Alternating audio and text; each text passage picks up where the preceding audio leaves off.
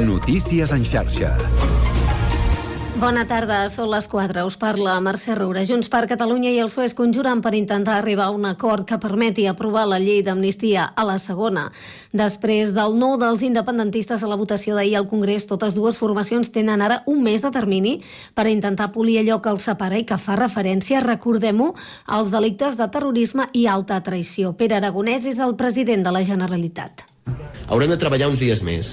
Per tant, és important que totes les parts assumim la nostra responsabilitat, la responsabilitat d'una oportunitat històrica per deixar enrere la repressió i poder restaurar els drets de tota la ciutadania a Catalunya i entrar en una etapa doncs, també políticament per abordar el conflicte de sobirania entre Catalunya i Espanya tot plegat el mateix dia que el diputat d'Esquerra, Rubén Wagenberg, ha decidit marxar a Suïssa per por de ser detingut per la causa del tsunami.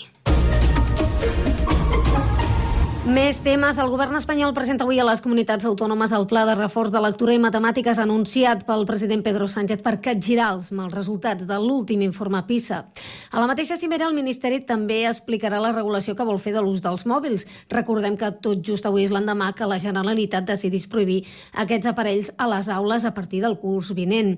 Escoltem què en pensa el col·lectiu Adolescència Lliure de Mòbils per part de la seva portaveu, Mària del Montloses no és prou ambiciosa. El fet de que cada centre pugui decidir prohibir l'ús total del mòbil o permetre'l en, en circumstàncies excepcionals, el que estem és obrint la porta a excepcions que en alguns casos poden ser arbitrarietats. Ja ho sentien qualificant de poc ambicioses les noves instruccions d'educació de la Generalitat perquè diuen que no ajuden al canvi de consciència. Més notícies. Els 44 centres esportius municipals de Barcelona limitaran a 3 minuts la dutxa després de la pràctica esportiva. És una de les mesures d'estalvi que gestiona l'empresa, eh, l'Associació de Gestió d'Instal·lacions Esportives Públiques ha presentat avui dins un paquet ampli, encara més ampli, amb l'objectiu d'estalviar un 25% d'aigua als equipaments esportius. I no deixem Barcelona, perquè avui s'ha fet un nou pas per corregir un greuge històric amb els veïns de Trinitat Vella. Aquest dimecres s'ha posat la primera pedra de la que serà la segona promoció d'habitatge públic a l'entorn de la presó. Es tracta de 53 nous habitatges públics que han de servir per allotjar famílies de l'entorn del centre penitenciari de Trinitat Vella que viuen en condicions precàries. La construcció és a càrrec de l'Ajuntament eh, que és propietari dels terrenys i té un cost, un cost de 12 milions d'euros. És tot de moment. Tornarem amb més notícies en xarxa. Notícies en xarxa. 4 i 3 minuts. Comença el Connectats.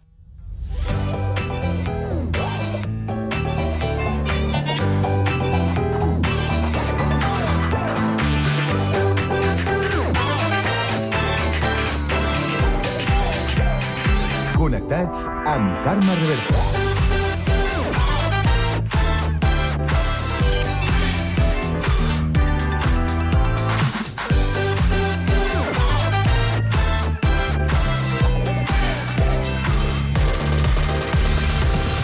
Molt bona tarda, salutacions i benvinguts al magazín de tarda de la xarxa, al Connectats de l'àrea metropolitana de Barcelona, programa que fem i que, com bé sabeu, podeu seguir a través de Ràdio Sant Cugat, Ràdio Sabadell, la Municipal de Terrassa, el Prat Ràdio, Ràdio Ciutat de Badalona i Ràdio Castellà. Una salutació de tot l'equip, conduït a la part tècnica per Pablo Palenzuela, Sami Fernández a la producció i de qui us parla, Carme Reverte. Avui és dimecres 31 de gener i volem saber quin temps ens espera aquesta tarda. Lluís Mi Pérez. Les jornades van passant i el temps no canvia. Per tant, al llarg de les properes hores continuarà aquesta situació totalment anticiclònica i tranquil·la. Sí que hi ha núvols en algunes comarques, sobretot de l'altiplà central, cap a la Catalunya central, les valls del Prepirineu. Són núvols força baixos o boires, fins i tot, i les que hi havia cap al prelitoral o també al sud de Girona s'han anat esvaint. El temps és més radiant a l'Alt Pirineu, també a totes les muntanyes en general, i al llarg d'aquesta tarda el sol serà molt majoritari. A gran part del país encara quedaran alguns núvols baixos entre la Sagarra, el Solsonès, el Bages, també la comarca de la Noguera, però en general acabarà fent sol i una suavitat ben destacable. Molts indrets del país passen dels 15 graus de màxima. El dijous tornarem a despertar amb boira, sobretot a la Catalunya central, i demà a la tarda tarda el temps serà ja més assolellat, amb més vent també, a les comarques de l'Empordà. Puja la temperatura el dijous. Us seguirem a la xarxa.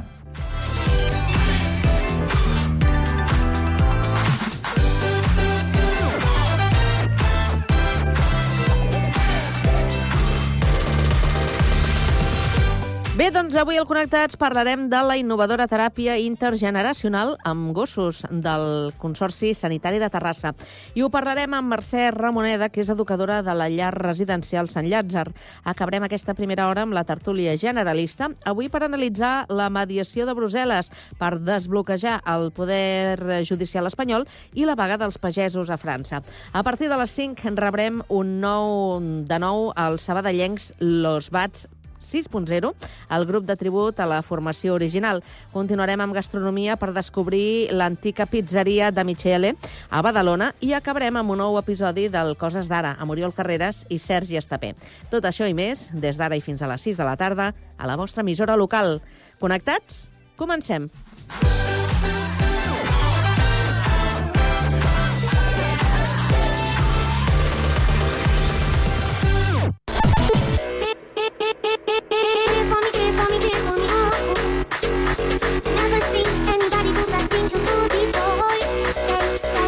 Connectats, una experiència radiofònica a Sabadell, Terrassa, Sant Cugat, El Prat, Castellà i Badalona.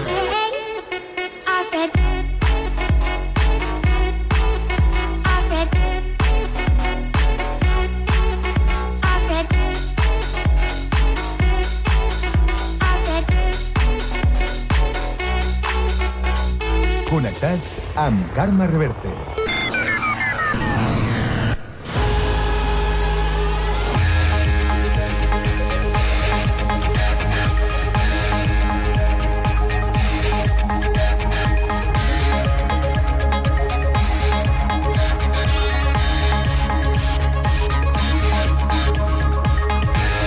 Les 4 i 7 minuts ens actualitzem i ho fem amb la ronda d'actualitat, que avui també obrirem per Terrassa. Sergi Estapé, bona tarda. Bona tarda. Les noves llicències de pisos turístics a Terrassa queden congelades a l'espera d'un decret llei. A la ciutat hi ha registrat 147 d'aquests pisos i no en seran més, ja que el govern català està preparant un decret llei per a limitar-los. Aquest decret obligarà a 140 ajuntaments a regular-los. Són els d'aquells municipis més tensionats i amb més problemes d'accés a l'habitatge.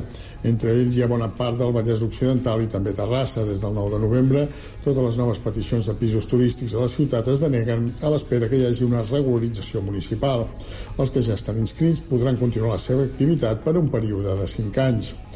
Els que s'hi vulguin afegir hauran de demanar una llicència prèvia a l'espera que es modifiqui el POUM.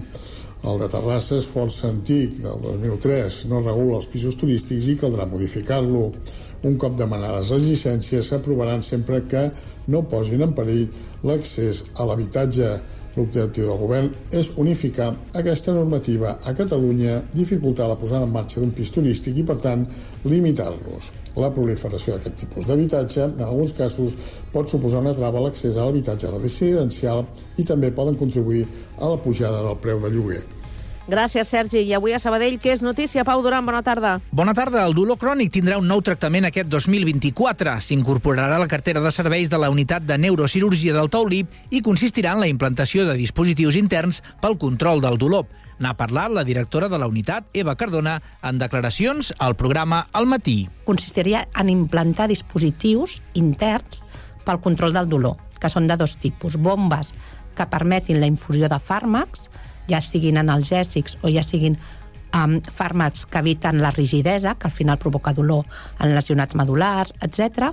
I després neuroestimuladors, que el que fan és uh, donar impulsos nerviosos que el que fan és interferir al, a l'impuls del dolor, per tant el bloquegen. I aquell estímul elèctric, situat, per exemple, a diferents llocs de la mèdula, el que fa és bloquejar l'estímul del dolor, amb la qual es treu el dolor. Aquest tractament serà possible gràcies als beneficis de comptar amb una unitat de professionals pròpia des del mes de juny de l'any 2021. Gràcies, Pau. Abandonem eh, momentàniament el Vallès i anem al litoral. Des de Badalona ens informa Andrea Romera. Bona tarda. Bona tarda, Carme. La piscina municipal Mireia Belmonte de Badalona tancarà el pròxim mes de setembre. L'estat precari de la instal·lació, que presenta problemes de climatització, humitats i maquinària desfassada, obligarà el govern local a dur a terme una reforma integral que durarà entre 12 i 15 mesos.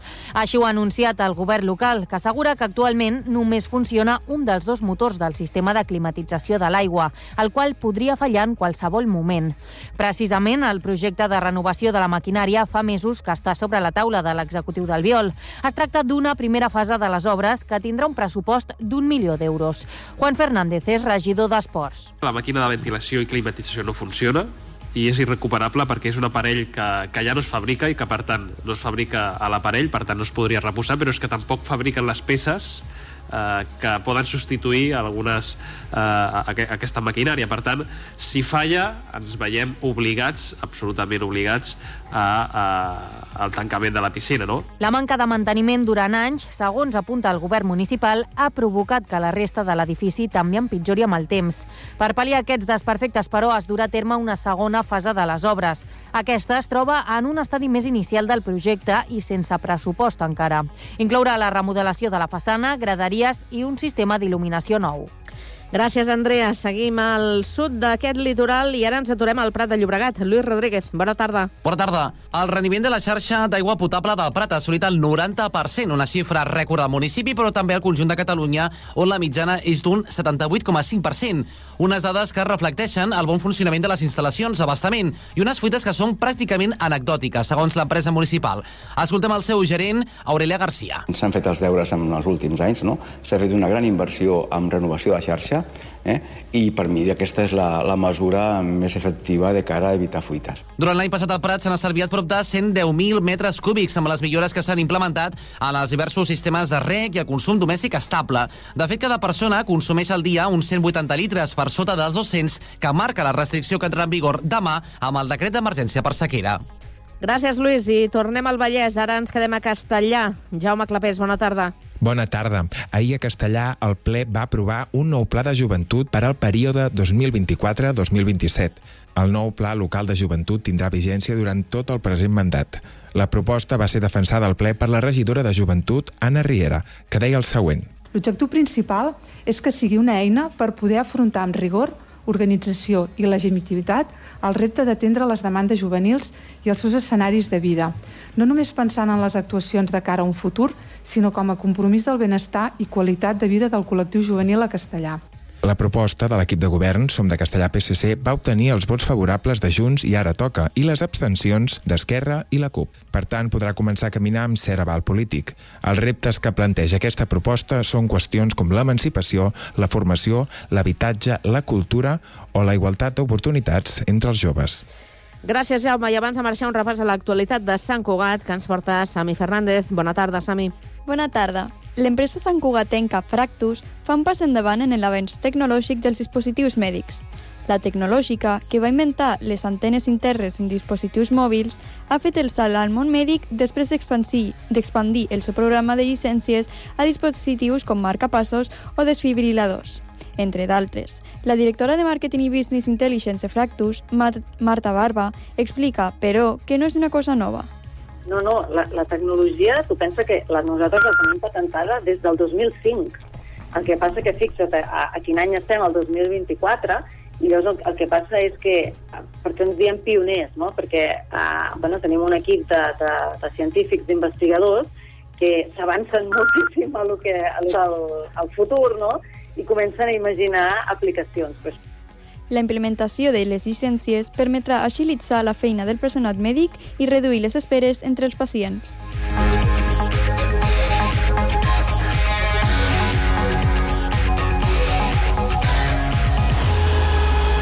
A la tarda, no et desconnectis.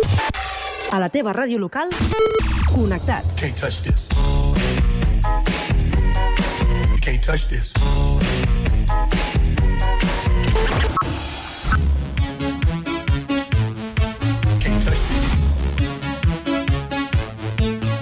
Connectats. Connectats amb Carme Rebell.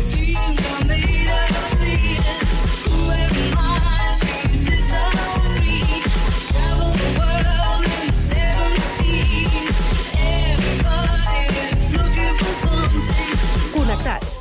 Una experiència radiofònica a Sabadell, Terrassa, Sant Cugat, El Prat, Castellà i Badalona.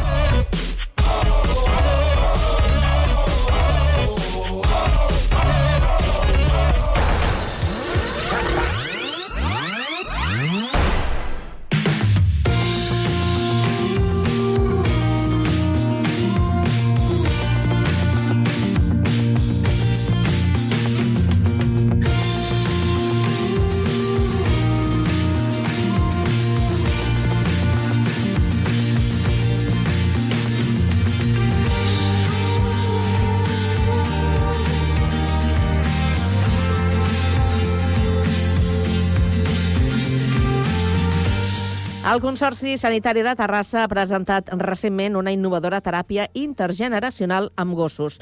Volem saber una mica més a fons en què consisteix i per això avui hem convidat la Mercè Ramoneda, educadora de la llar residencial Sant Llàtzer al Connectats. Mercè, bona tarda. Hola, bona tarda, què tal? Molt bé. Uh, saludem també el nostre company, Sergi Estapé. Sergi, bona tarda. Sergi. No el tenim. Algun problema. Bé, doncs, eh, mentre intentem recuperar el Sergi Estapé, Mercè, eh, explica'ns una mica quin és eh, l'objectiu d'aquesta teràpia.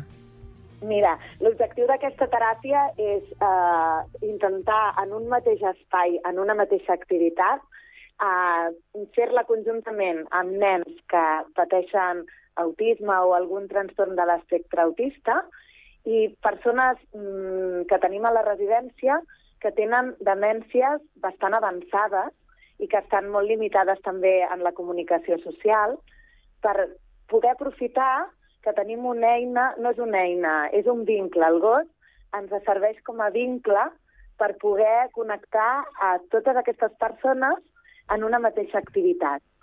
El, el que pretenem és això, que eh, volíem unir dos coses que ens semblaven molt terapèutiques, com era la teràpia assistida en gossos, que s'ha demostrat que és una eina no farmacològica que s'utilitza per moltes malalties i moltes patologies, i eh, poder-la utilitzar alhora amb els infants i alhora amb els, amb els residents, perquè també una altra eina que hem vist que era molt potent sempre que fem activitats amb ells és la presència d'un nen, d'un infant, perquè els, els infants els activen.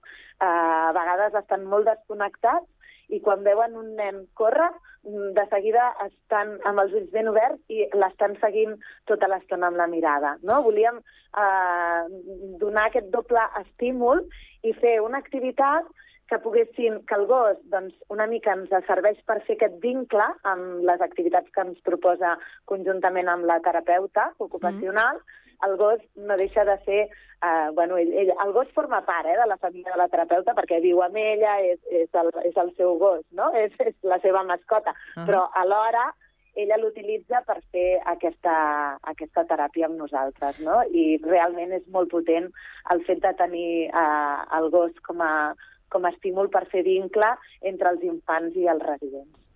És a dir, eh, jo, si no ho he entès malament, aquí s'estableix un triangle, no? Exacte, I- i és un triangle. És La un relació triangle entre que el gos- El, el gos ens ajuda a fer aquest vincle, eh? Mhm. aquest vincle amb els residents eh, ens l'ajuda a fer el gos. Però realment, a vegades, depenent de la sessió, veiem que doncs, el nen a lo millor es fixa més en un resident i se li assenta la falda i estableix vincles amb ells, un altre dia, saps? Vull dir que una mica eh, el, els estímuls són dobles i a vegades quan nosaltres que estem observant tota l'estona i intentem anar copsant tot el que està passant, a vegades eh, hi ha dies que el vincle és més, fort, és més fort el de l'infant, a vegades és més fort el del gos, però sigui com sigui, el gos els hi serveix per ajudar a fer aquest vincle, no? perquè ens va fent les propostes amb la terapeuta. I Mercè, des de quan esteu treballant amb aquesta, amb aquesta teràpia i, i, i d'aquesta manera? Mira, nosaltres al setembre, al setembre vam començar la teràpia, però només amb els residents.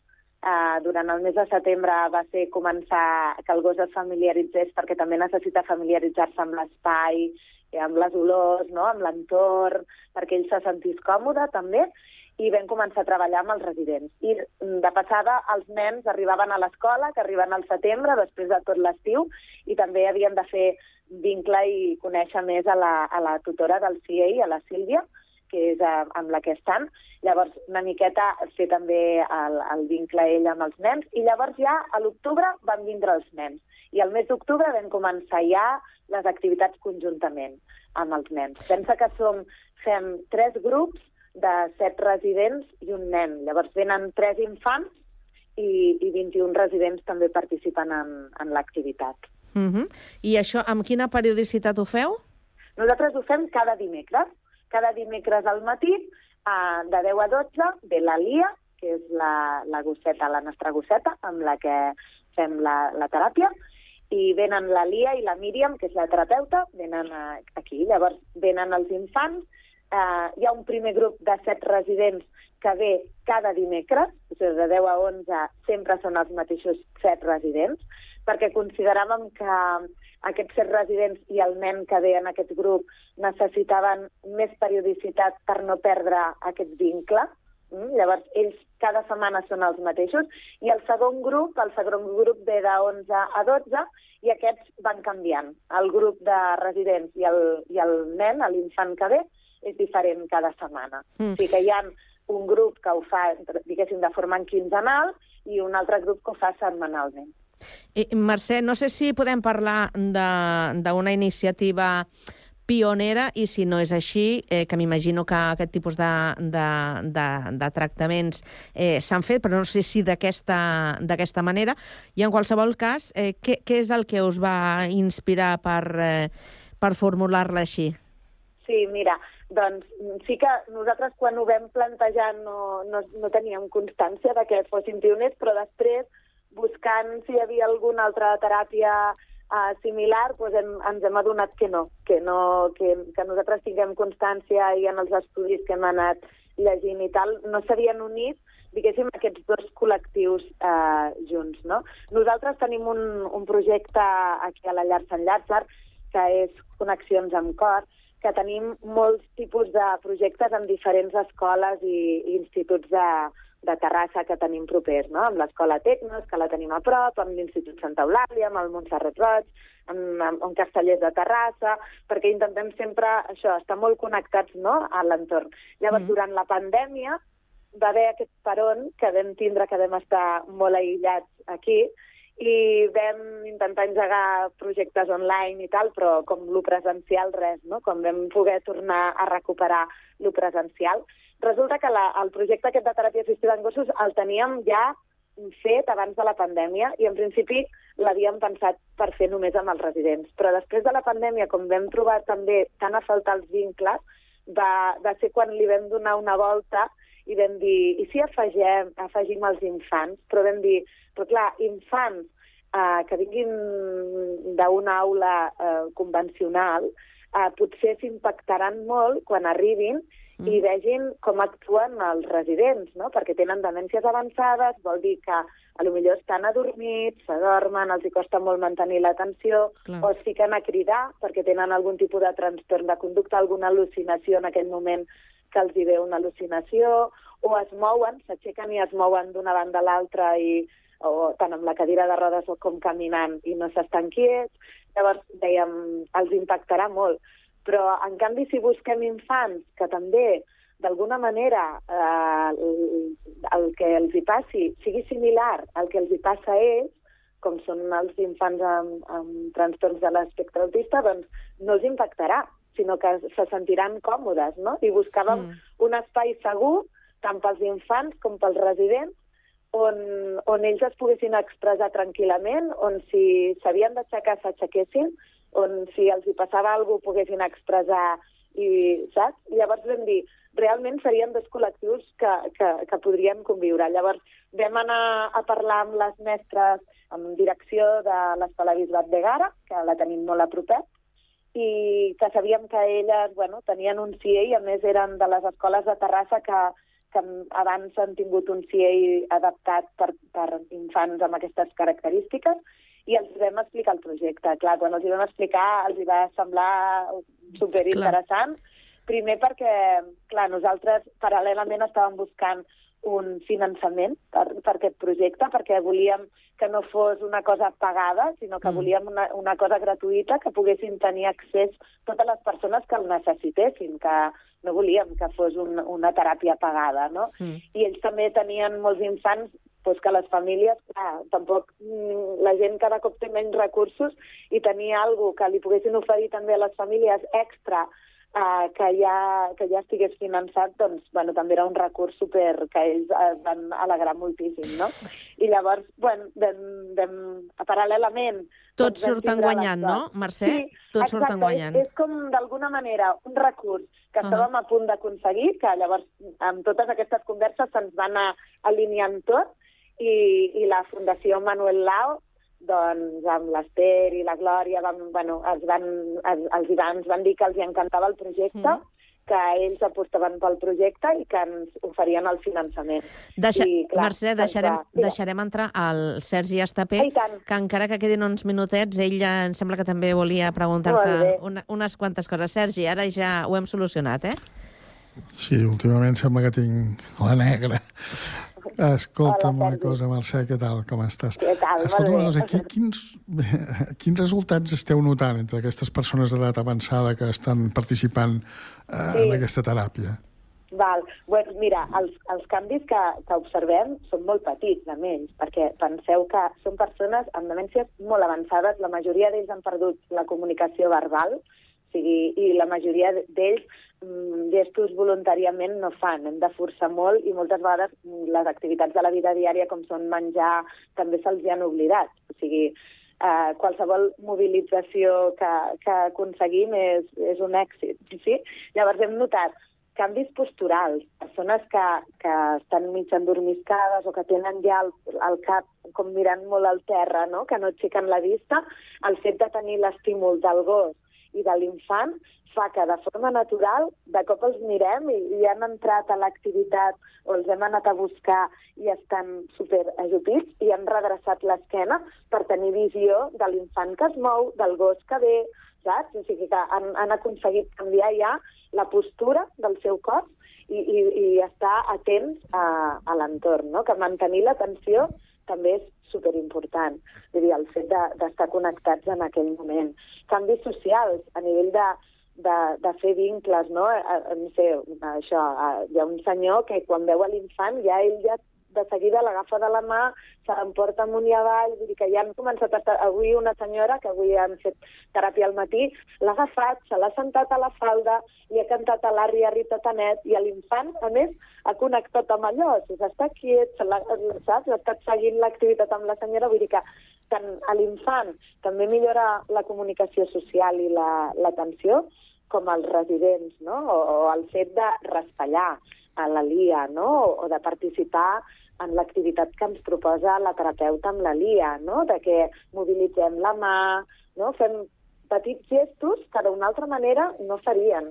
No farien, els hauríem de forçar molt i moltes vegades si els hi, eh, diem que els facin sense tenir l'activitat o aquest vincle, moltes vegades fan la força inversa, no? I no ho volen, no ho volen fer, no? Mostren resistència. Vull dir que, que realment nosaltres aquests petits canvis, no? O a nivell de llenguatge, de, de dir paraules, no? Avui dèiem coses i, i ens, hi havia uns senyors que ens feien rimes i, i normalment això no ho fan, no? Vull dir que, uh, no sé, pet, moltes petites coses, però ja, clar, a vegades penses, vindrà algú que observarà des de fora i no li donarà el valor que nosaltres li estem donant, però nosaltres que estem treballant amb ells cada dia, que ens costa tant, que mantinguin l'atenció, que obrin els ulls, que connectin amb l'entorn, per nosaltres aquesta activitat pues, està resultant molt, molt enriquidora, no? I que veiem que realment els està connectant, no?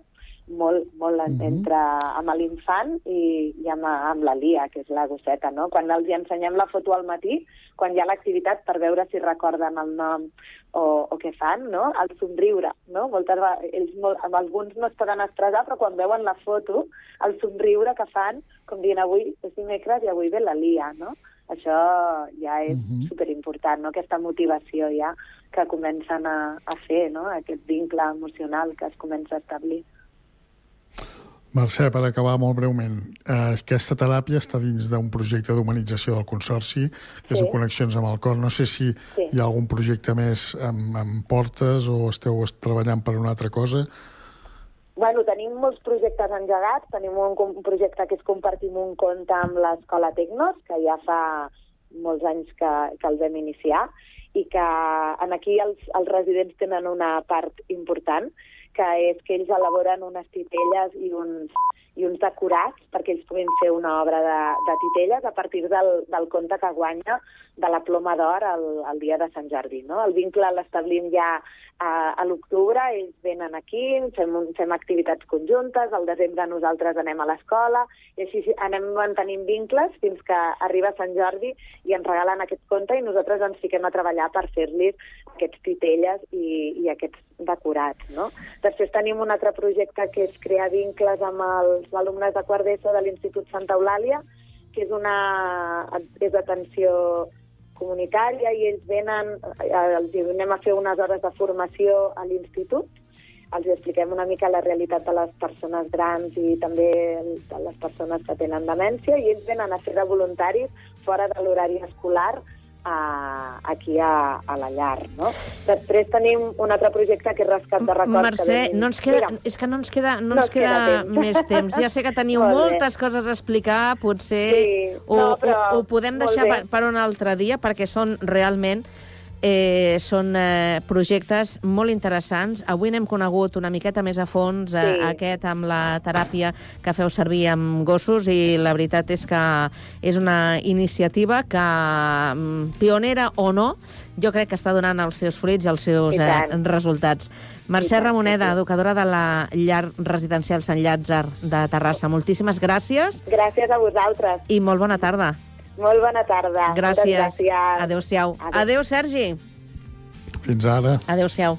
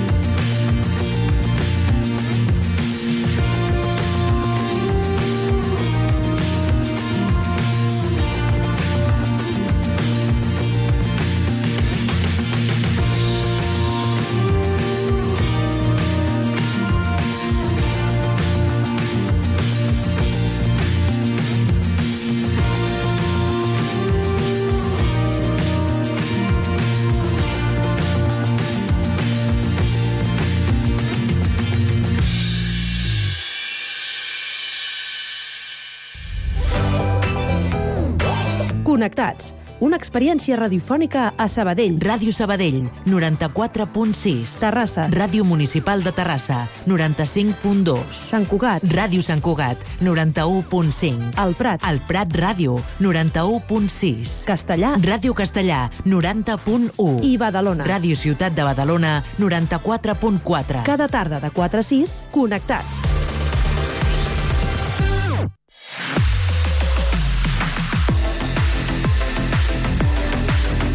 Anem molt ràpidament, quan passen 4 minuts de dos quarts de 5 de la tarda, a obrir aquest espai d'opinió, la tertúlia Tres Bandes, que avui la compartim amb l'Emili Miquel, exdirector de Correus del Prat. Emili, bona tarda. Hola, molt bona tarda. El Josep Asensio, que és professor i director del programa Tal com Raja de Castellà del Vallès. Josep, bona tarda. Hola, bona tarda, què tal? I a Badalona tenim l'Antoni Camacho, que és coordinador de Federalistes d'Esquerra, mm, precisament d'aquesta ciutat, de Badalona. Antoni, bona tarda. Molt bona tarda a tothom. Molt bé, doncs ja hi som tots i no perdrem més temps. Anem directament a la qüestió número 1 que us proposo per a la tertúlia d'avui, i és parlar d'aquesta mediació que farà Brussel·les per desbloquejar el Consell General del Poder Judicial espanyol. La pregunta és directa. Eh, què us sembla que hagi d'assumir aquest paper la, la Comissió Europea? I comencem ràpid a la ronda. Emili. Doncs jo, per anar ràpid també, eh, em sembla una mica ridícul i una mica vergonyós que al final eh, hagi d'intervenir eh, Europa per solucionar un problema que en principi és un problema, eh, és un problema espanyol. No? I, és que, i, I tenint en compte que el, que el senyor Didier Reinders, que sembla que és el nom del comissari de Justícia, doncs sempre havia estat eh, reticent a fer-ho, perquè considerava que ell no havia d'intervenir, mm. i finalment doncs, es veu que no ha tingut eh, més remei que dir, escolta, doncs si no us poseu d'acord, eh, doncs potser sí que, que des de fora us donem un cop de mà, però, repeteixo, em sembla una mica, doncs, eh, em sembla ridícul, no? No, no acabo de- no acabo d'entendre, la veritat. Mm. Josep? Mm, Mira, jo estic completament d'acord amb el que diu l'Emili. Jo penso, jo so- no sóc gaire optimista perquè, de fet, estan marejant la perdiu des de fa cinc anys Sí. eh, i, de fet, eh, des, de, des del com es diu, des de- des d'Europa el que ens diuen és que primer s'ha de, de renovar i després s'ha de reformar, que és el que està dient el govern espanyol des, de, des del principi, no?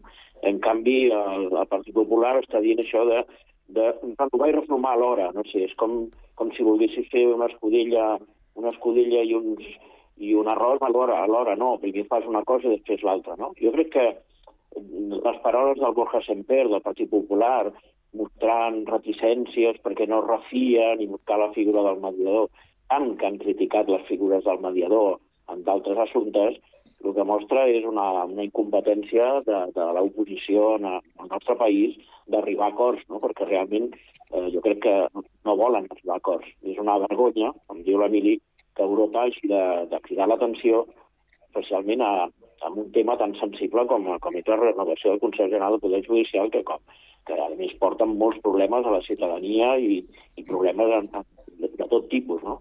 Efectivament. Des d'Europa ja eh, van picar la, la cresta a, a Espanya precisament per mantenir eh, a, a, aquesta dilatada eh, no renovació d'aquest eh, Consell General. Però, clar, eh, si ha d'intervenir algú, mm, ha de ser eh, un comissari europeu, Antoni? Home, jo crec que no, no, no hauria de ser necessari. El, el, la pregunta que s'hem de fer és per què hem arribat a aquesta situació. I aquesta situació hem arribat perquè hi ha un partit, el Partit Popular, que sempre que no està al govern doncs passen aquestes coses. Quan el PSOE està a l'oposició es renova el Consell General de Poder Judicial i se descompleix la Constitució. Ha arribat el Partit Popular i en aquest eh, clima de tantíssima tensió política en tot el que està passant, doncs eh, és inevitable que al final doncs, sigui la Comissió Europea que no hauria d'intervenir. Però ja ho veurem. Jo crec que el que pot passar, eh, no és que tingui gaires esperances, és que hi hagi un compromís de renovar i alhora doncs, acceptar la proposta del PP de canviar la forma de l'elecció. No?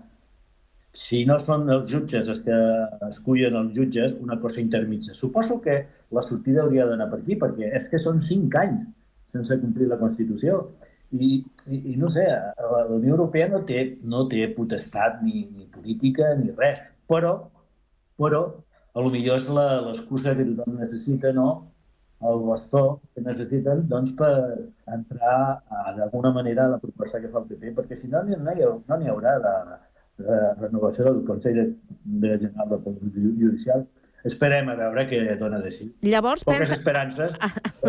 Antoni, no serà la definitiva? Jo crec que no. Jo crec que no. Però, bueno, és que és una cosa tan novedosa que jo, per exemple, sóc partidari de, de la sistema actual perquè crec que eh, la judicatura no, no ha de ser tan corporativa que entre ells mateixos escollen, eh, s'escolleixen els càrrecs, sinó que el poble entès com la representació, que és el Parlament, doncs ha d'intervenir també, perquè ja hi ha una part de jutges que l'escullen ells. I ells no estan parlant d'una part no, del Consell General de Poder Judicial. Bueno, esperem, tu, esperem. Jo, eh, tant de bo es pugui resoldre. Tinc molt poca confiança, eh? també t'ho dic, perquè el tema està com està a nivell de, de confrontació terrible del PP i Vox contra el govern actual. Ja, ja. Josep i Emili, vosaltres confieu que aquesta pugui ser la, la definitiva o sou tan, tan ingredus com, com l'Antoni? Tan optimistes com l'Antoni, no? No, també. Eh, S'han do- s'han donat dos mesos, tampoc és una, és una cosa que sigui per la setmana que ve, eh? Ja. Vull dir que em sembla que tenen, tenen dos mesos per anar fent, perquè la cosa no és, no és senzilla, De totes maneres, a, a, a, el, el, Consell, el Consell General del Poder Judicial, des del seu origen, que ha estat eh, sempre molt polèmic, hi ha hagut eh, eh, diferents eh, bloquejos, eh, s'han hagut de fer diferents lleis, s'ha intentat corregir eh, el, que diguem que l'esquerra ha intentat, el PSOE, no? en aquest cas, ha intentat corregir el viatge conservador que, que tradicionalment tenia, ajustant-lo a les majories parlamentàries, i, i aquest conflicte no, no s'ha acabat, de, no acabat de solucionar mai, de resoldre mai, i hem arribat a la- a l'actual situació de, de, de, de, de, de, d'estancament no? que vivim ara, però jo crec que això vull dir, també es prolongarà en el temps i potser ara, ara faran un pedaç però perquè intervé, intervé, intervé, intervé com- un comissari europeu, però al final doncs, els problemes tornaran a sortir una vegada i una altra, perquè és, és una mica el, el que ha vingut passant fins ara. És que, si, si penseu, perdoneu un segon, és que la reforma aquesta, que, amb la llei actual, és una proposta del Partit Popular. És que la, la, la lle- llei vigent és una llei que va posar el Partit Popular. És que és molt fort. Vull dir, perquè, eh, i, i ara, bueno, ja, ja sabem el que passa, no? Però eh, si hi ha alguna confiança és que es de, a, això surti d'aquí, d'aquesta reunió, i que hi hagi algun compromís en la línia que, que, que insinua, que porta el PP. Si no, pues estarem, no sé, jo és que ja no sé què, què es pot fer. És que avui... Este, avui... Bueno, sí que hi ha una majoria absoluta de les esquerres, una majoria suficient per, per mantenir aquesta forma o, o canviar-la, no ho sé. Però és que avui estem parlant d'aquest tema, però imagineu-vos que Sí, sí. cada qüestió domèstica l'haguéssim de resoldre en, a, anant a Europa o demanant-li a Europa que Sí, sí. intercedeixi perquè a casa no sabem eh, eh, rentar els draps bruts. Totalment d'acord amb això. No, i aquí, aquí Aquest és el problema. A veure, anem en ordre, que com esteu per telèfon tots és una mica complicat. Qui volia intervenir, el Josep o l'Emili? Jo, jo, no, jo volia dir que a mi em sorprèn molt... No, Josep, vols... eh, Vinga, Emili, tira. Abans, Josep. Vale, Emili, Emili. Bueno, jo el que volia dir és que em sorprèn molt que Espanya estigui disposada, eh, el govern espanyol estigui disposat a cedir sobirania, quan, eh, per exemple, en el tema de Catalunya eh, li costa tant, és una cosa que és de, és de, de vida o mort, no? Vull dir, cedir sobirania als catalans perquè facin un referèndum és una cosa, és l'últim, no? Però, en canvi, eh, amb Europa no té cap problema en cedir sobirania, i això és una cessió de sobirania, doncs, eh, realment vergonyosa, torno a dir. Eh, jo crec que s'haurien de... I, I tenint en compte una mica el caràcter orgullós... Perdona, perdona Josep, de- però no, no, no t'entenc. Quin, quina sessió de sobirania és? És que no, m'he perdut. No, perquè jo crec que Quin- un tema que... sessió?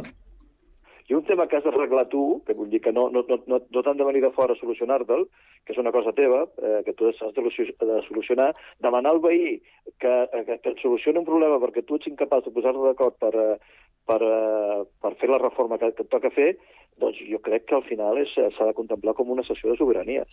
És a dir, tu... Eh, Ah, no, això és, això no, és no té impensable. res a veure, però bueno. Vale, vale, vale. Ara, Jo veig, ara jo veig una mica, jo veig una mica, de fet, de fet eh, mm, eh, des del moment que nosaltres acceptem la Unió Europea, doncs ja fem una sessió de sobirania. Eh, el problema que hi ha hagut amb el Brexit és que hi ha hagut una part de la societat eh, anglesa, la més conservadora, que han considerat que els problemes, de, de, de, els problemes de, dels britànics no els havien de solucionar a Brussel·les, no?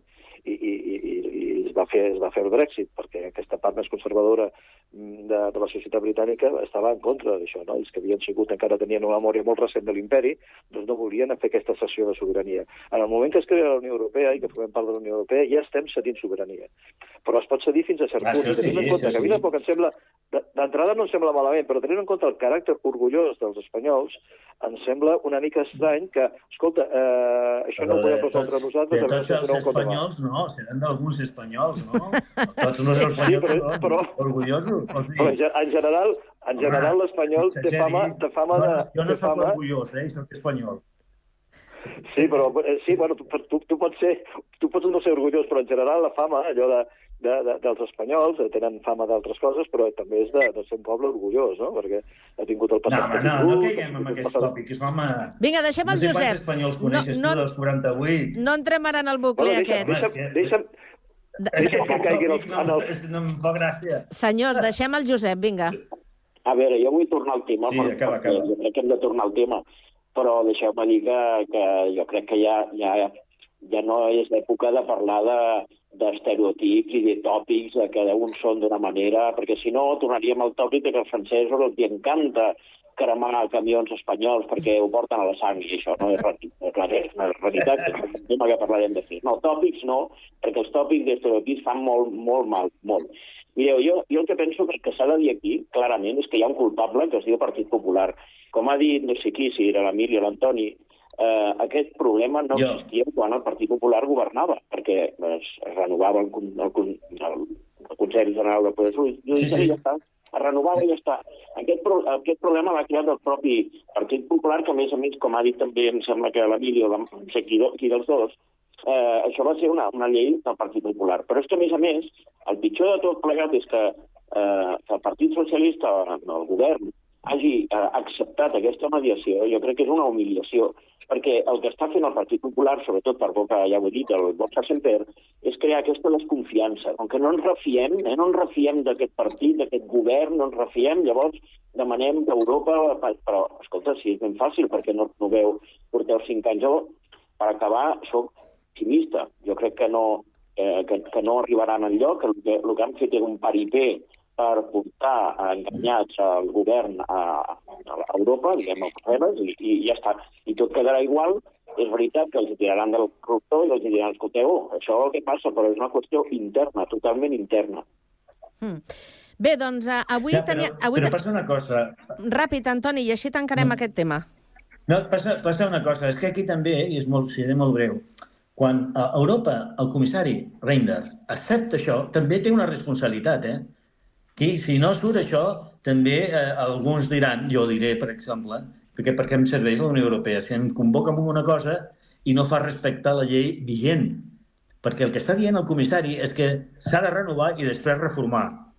I el tema està aquí, a veure on t'arriben, però la Unió Europea, en aquest cas, també, eh, diguem-ne que, que ha assumit un compromís que pot quedar malament si al final no surt res, eh? Ja. Veurem, veurem què surt. Efectivament, com no sé Sí. qui ha recordat, tenen dos mesos eh, eh, per intentar arribar a, a algun acord. De fet, avui em sembla que hi havia la primera trobada eh, entre el mediador Félix Bolaños i Esteban González eh, Pons, o sigui que ja ens explicaran a veure com ha avançat eh, aquest tema, si és que ha avançat. Uh, els que sí avancen són els tractors eh, que han tingut eh, la setmana passada doncs, eh, dies eh, col·lapsada la, la, la Junquera, la frontera, amb unes cues de camions eh, impressionants. Eh, els eh, agricultors, els pagesos eh, francesos estan en peu de, de guerra reclamant doncs, eh, una, una sèrie de, de qüestions que, mm, de fet, eh, jo us diré una cosa, a, a mi em sona com eh, una mica ja antic tot això que, Eh, antic vull dir de, que no és la primera vegada que, que es demana, eh, com l'eliminació de, dels impostos a, al dièsel per a l'ús agrícola, l'accés a l'aigua, la simplificació dels tràmits administratius, l'augment de controls perquè els distribuïdors no paguin preus per sota dels costos. Eh, S'han llançat a les carreteres els agricultors eh, i pagesos eh, francesos i també bona part d'Europa. La meva pregunta és, a Espanya no passa res d'això?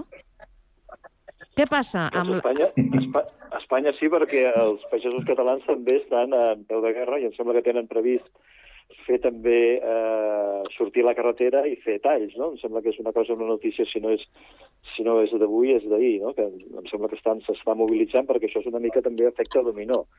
Eh, ha estat bona part d'Europa mobilitzada i, i això doncs potser s'anirà estenent.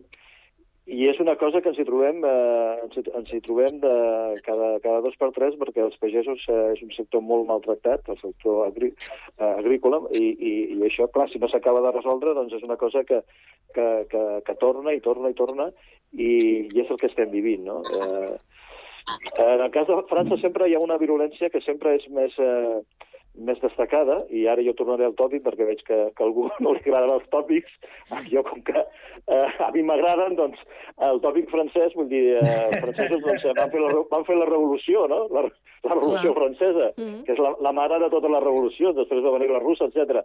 Són gent que jo potser crec que en el, en el seu ADN tenen aquest, eh, aquest ADN revolucionari i es manifesten sempre d'una manera més contundent i jo ho celebro perquè si manifestes doncs, eh, d'una manera tèbia, doncs les coses a vegades no, no arriben enlloc i ells tenen aquesta habilitat de ser molt contundents en les seves manifestacions. No?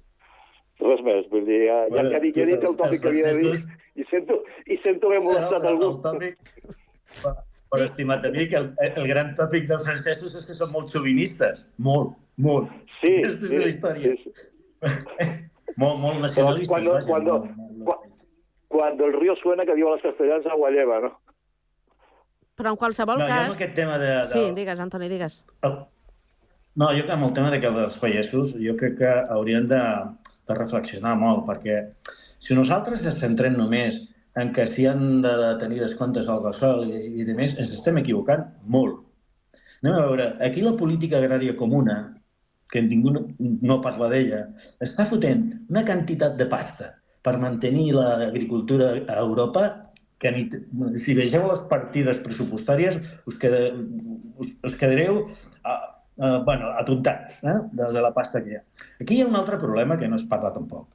És la cadena alimentària, que es diu. Des de quan surt la, l'esvergínia del camp i arriba al, al súper, al, al, al, al, al, als supermercats. Aquí està havent una distribució que és l'hòstia de que li paguen cèntims al pagès i tu te'l trobes a, a, a, a, al súper a un preu desorbitat. I clar, eh, eh, aquesta o, o es talla i els pagesos se'ls ha de pagar bé i els intermediaris eh, es posa control, però, ah, amic meu, ens trobem amb una paraula sagrada, el lliure mercat. Si és el lliure mercat, el lliure mercat res, perquè hi ha pues, aquests grans distribuïdors que són els que imposen els preus. Clar, eh, aquesta és la, la hòstia, que el pagès, sigui francès, sigui català o sigui murcià, doncs no té potestat i no estan prou organitzats, afegeixo jo, per fer- fer-li cara doncs, a aquests grans distribuïdors que estan imposant uns preus que són miserables. Mm. Perquè la política agrària comuna tothom diu que és bona per mantenir precisament l'arrel al, al tal. Ara, hi ha imponderables que el lliure mercat, aquesta paraula sagrada, ni Déu la toca. I com ho fem? Ah, doncs Europa que posi lleis perquè evitar que abusin les grans superfícies dels intermediaris de, de, de la pagesia. Però, Antoni, potser, eh, si tota aquesta eh, enumeració que, que he fet abans eh, no, no l'estan reclamant els eh, pagesos, ja poden ser francesos eh, o d'allà on siguin, de, de la part d'Europa que, que sigui, I- és, no, no, deu arribar? O, o què passa amb aquests diners que no, no, no, no, no arriben o, o ells no, no els acaben de veure? Sí, sí arriben, sí arriben. El problema és la immediatesa, la inflació tan alta que hi ha hagut. I, I torno a insistir, la cadena alimentària no, està, no es controla. I aleshores els preus que li paguen les superfícies són beneficis per, per les grans superfícies que no van als distribuïdors. I, mire, i ve, veieu, si aneu a comprar, el que ha pujat la, la, el cestell de, de la compra, el cistell, és, és la hòstia. Però és la hòstia. Sí, sí. I, i, i aleshores, els pagesos, res, doncs això és una de les coses que jo crec que... No crec, estic convençut que s'ha de regular millor a Europa i, eh, perquè és una eh, qüestió molt important i perquè hi ha una política agrària comuna que és un pressupost de la part més important de tot el pressupost de la Unió, de la Unió Europea. Molt bé. Vinga, uh, Josep, em sembla... No, no has intervingut encara, no? No, no, estic aquí esperant que em passi. Que Vinga.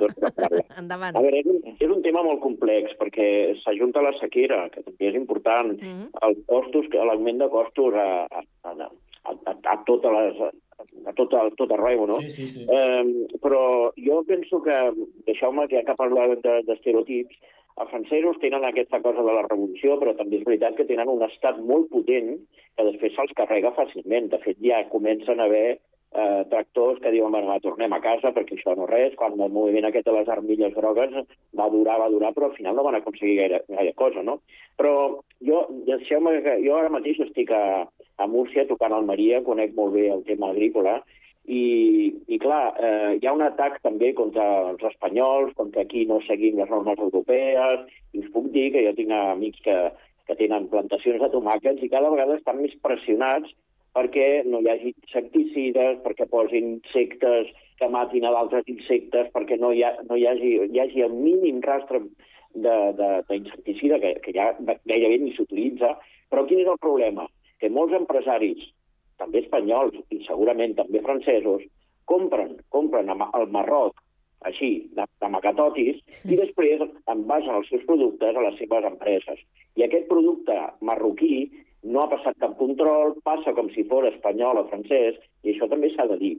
Tenim, tenim un, una relació amb el rock eh, de, de, bueno, difícil, complicada, i que ens porta a arribar a aquests acords. Però els empresaris fan, fan la, el seu agost pagant sous de misèria, però tenen les, les, les plantacions les tenen allà. Després, eh, naturalment estic d'acord que les grans cadenes són les que s'emporten tot, i el que no pot ser és que a Barcelona paguem la carxofa de, del Prat a 5 euros al quilo i en canvi paguem a 2 euros i mig la carxofa que ve de Benicarló o de, o de Múrcia. No, no, i l'has posat barata, eh? ja t'ho dic, Josep. Sí, no? Molt barata, sí senyor. L'he vist a 7, jo, a 7 euros en algun lloc. No, I més, i més. I no estem tan lluny del Prat, eh? Clar, però diuen, és que, és que hem de consumir productes de, de proximitat, perquè són més bons, està... però com pot ser de, de Terrassa o de Sabadell la, la carxofa val, valgui 7 euros, en canvi la que ve de Múrcia em costi a 2,50. Com Mm. pot ser això? Deixem a l'Emili que intervingui i ja tancarem. Molt ràpidament, perquè estem ja pràcticament fora de temps. eh, Emili. jo- Sí, no, només, només vull dir que em sembla que tots heu vist la pel·lícula Carràs, que és una denúncia Sí. De com està el sector. Mhm. Jo sóc fill de pagesos i, i jo ja tinc una edat, però sóc fill de pagesos que van haver d'abandonar el camp de Tarragona per, per anar a la ciutat a guanyar-se la vida perquè el vi anava, vull dir, a un preu irrisori, no?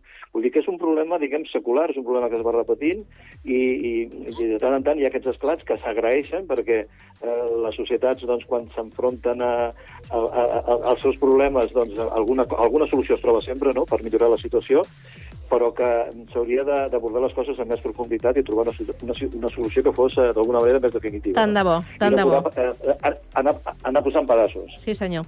Emili, Josep, Antoni, un plaer. Moltíssimes gràcies. Que tingueu molt bona tarda. A vosaltres. Igualment. A vosaltres. Adéu-siau. Adéu, adéu.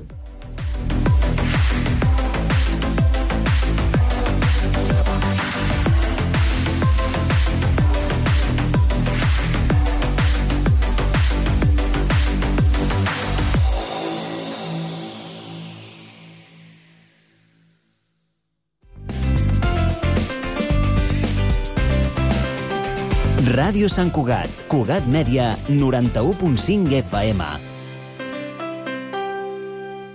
A Ràdio Sant Cugat gaudim de la música. Gaudeix-la amb nosaltres.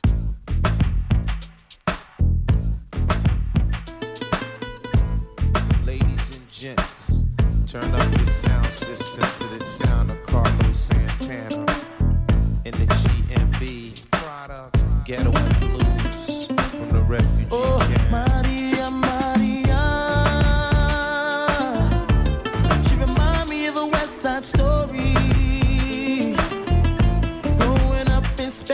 Harlem.